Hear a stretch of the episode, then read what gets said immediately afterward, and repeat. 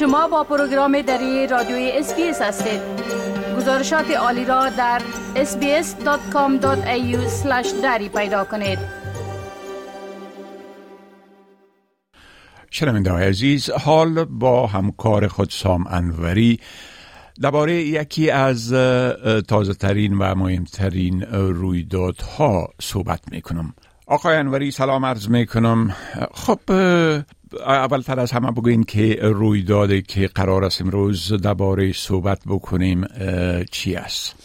با سلام به شما و شنوندگان عزیز. خب خبری که امروز می‌خوایم در موردش گپ بزنیم در مورد یک کیت آزمایش ترکیبی جدیدی است که وارد بازار شده که با فرارسیدن فصل سرما که ناگزیر سرما خوردگی را هم با خود میاره یا آنفلوئنزا را. کیت های آزمایش ترکیبی جدید وارد بازار شده که همزمان هم می‌تونن آنفلوئنزا یا سرماخوردگی را تشخیص بدن و هم کووید 19 را. اینها دقیقا مانند همان بسته های تست سره آنتیجن هستند که قبلا تنها برای تشخیص کووید 19 استفاده می شدن اما اکنون می که آنفلانزای نوع الف و ب یا A و B را هم تشخیص بدن. بنابراین شما می‌تونین سواب را داخل هر دو سوراخ بینی خود بچرخانید و نمونه برداری کنید یا به اصطلاح سمپل بگیرید. و بعد او را داخل همو لوله گیری کنید و با مایه از او مخلوط کنید و بعد قطرات را روی نوار آزمایش بچکانید. و بعد از چند دقیقه انتظار با خطوط مختلفی که روی نوار موجود است به شما میگه که آیا آنفلانزای مثلا الف یا ب دارین یا کووید 19 دارین؟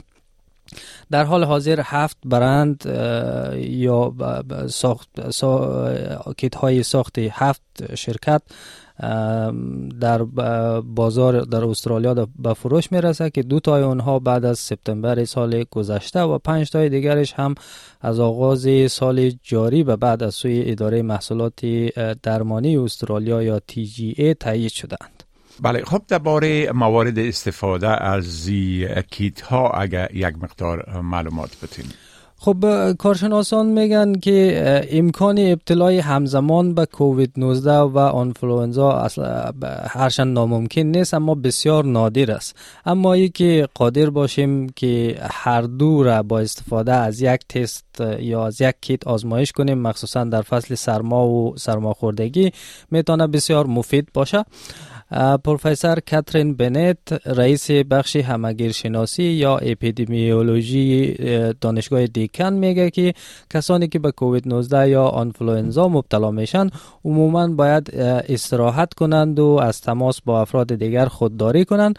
اما با توجه به اینکه علائم هر دو بیماری می‌تونه شبیه همدیگه باشند دانستنی که آنفلوئنزا دارن یا کرونا کمک می‌کنه که بهتر بتانن امو بیماری خود را مهار کنن یا تداوی کنن مثلا خانم بنت میگه که اگر تست شما مثبت بیایه و نتیجه آنفلوئنزا باشه دیگه مجبور نیستید که دنبال تست پی سی آر باشید.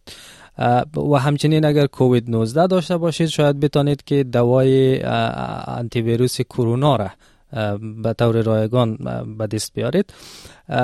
او همچنین میگه که هرچند مردم اکنون به اندازه سالهای اول کووید 19 این بیماری را جدی نمی‌گیرن و آزمایش نمیتن اما دانستن ای که دلیل بیماری شما ویروس کرونا بوده یا ویروس آنفلوئنزا هم یک امر مهم است.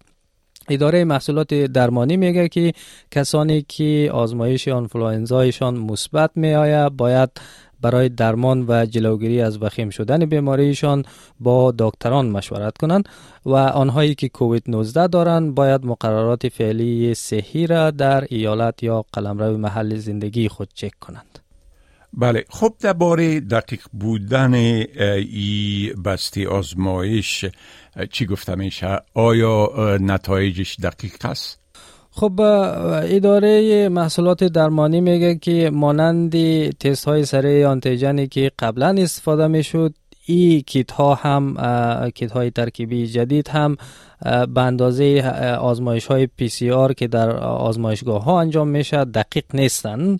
اما میگه که اگر تست را در روزهای اولی که علائم بیماری بروز می‌کنه انجام بدیم می‌تونه کارکرد خیلی خوبی داشته باشه. مثلا برای کووید 19 میگه که در روز در هفت روز اول بعد از نمایان شدن علائم با این تست می‌تونه بهترین نتیجه را بده و در مورد آنفلانزا هم در چهار روز اول بعد از بروز علائم می‌تونه که نتیجه دقیق تری بیرون بده بنابراین توصیه ای است که آزمایش خانگی را در همون روزهای آغازینی پس از بروز علائم انجام بدن بله خب بسیار تشکر آقای انوری از این معلوماتتان و فعلا شما را به خدا می سپارم. روزتان خوش. تشکر از شما. وقت خوش. می خواهید این گناه گزارش ها را بیشتر بشنوید؟ با این گزارشات از طریق اپل پادکاست، گوگل پادکاست، سپاتیفای و یا هر جایی که پادکاستتان را می گیرید گوش دهید.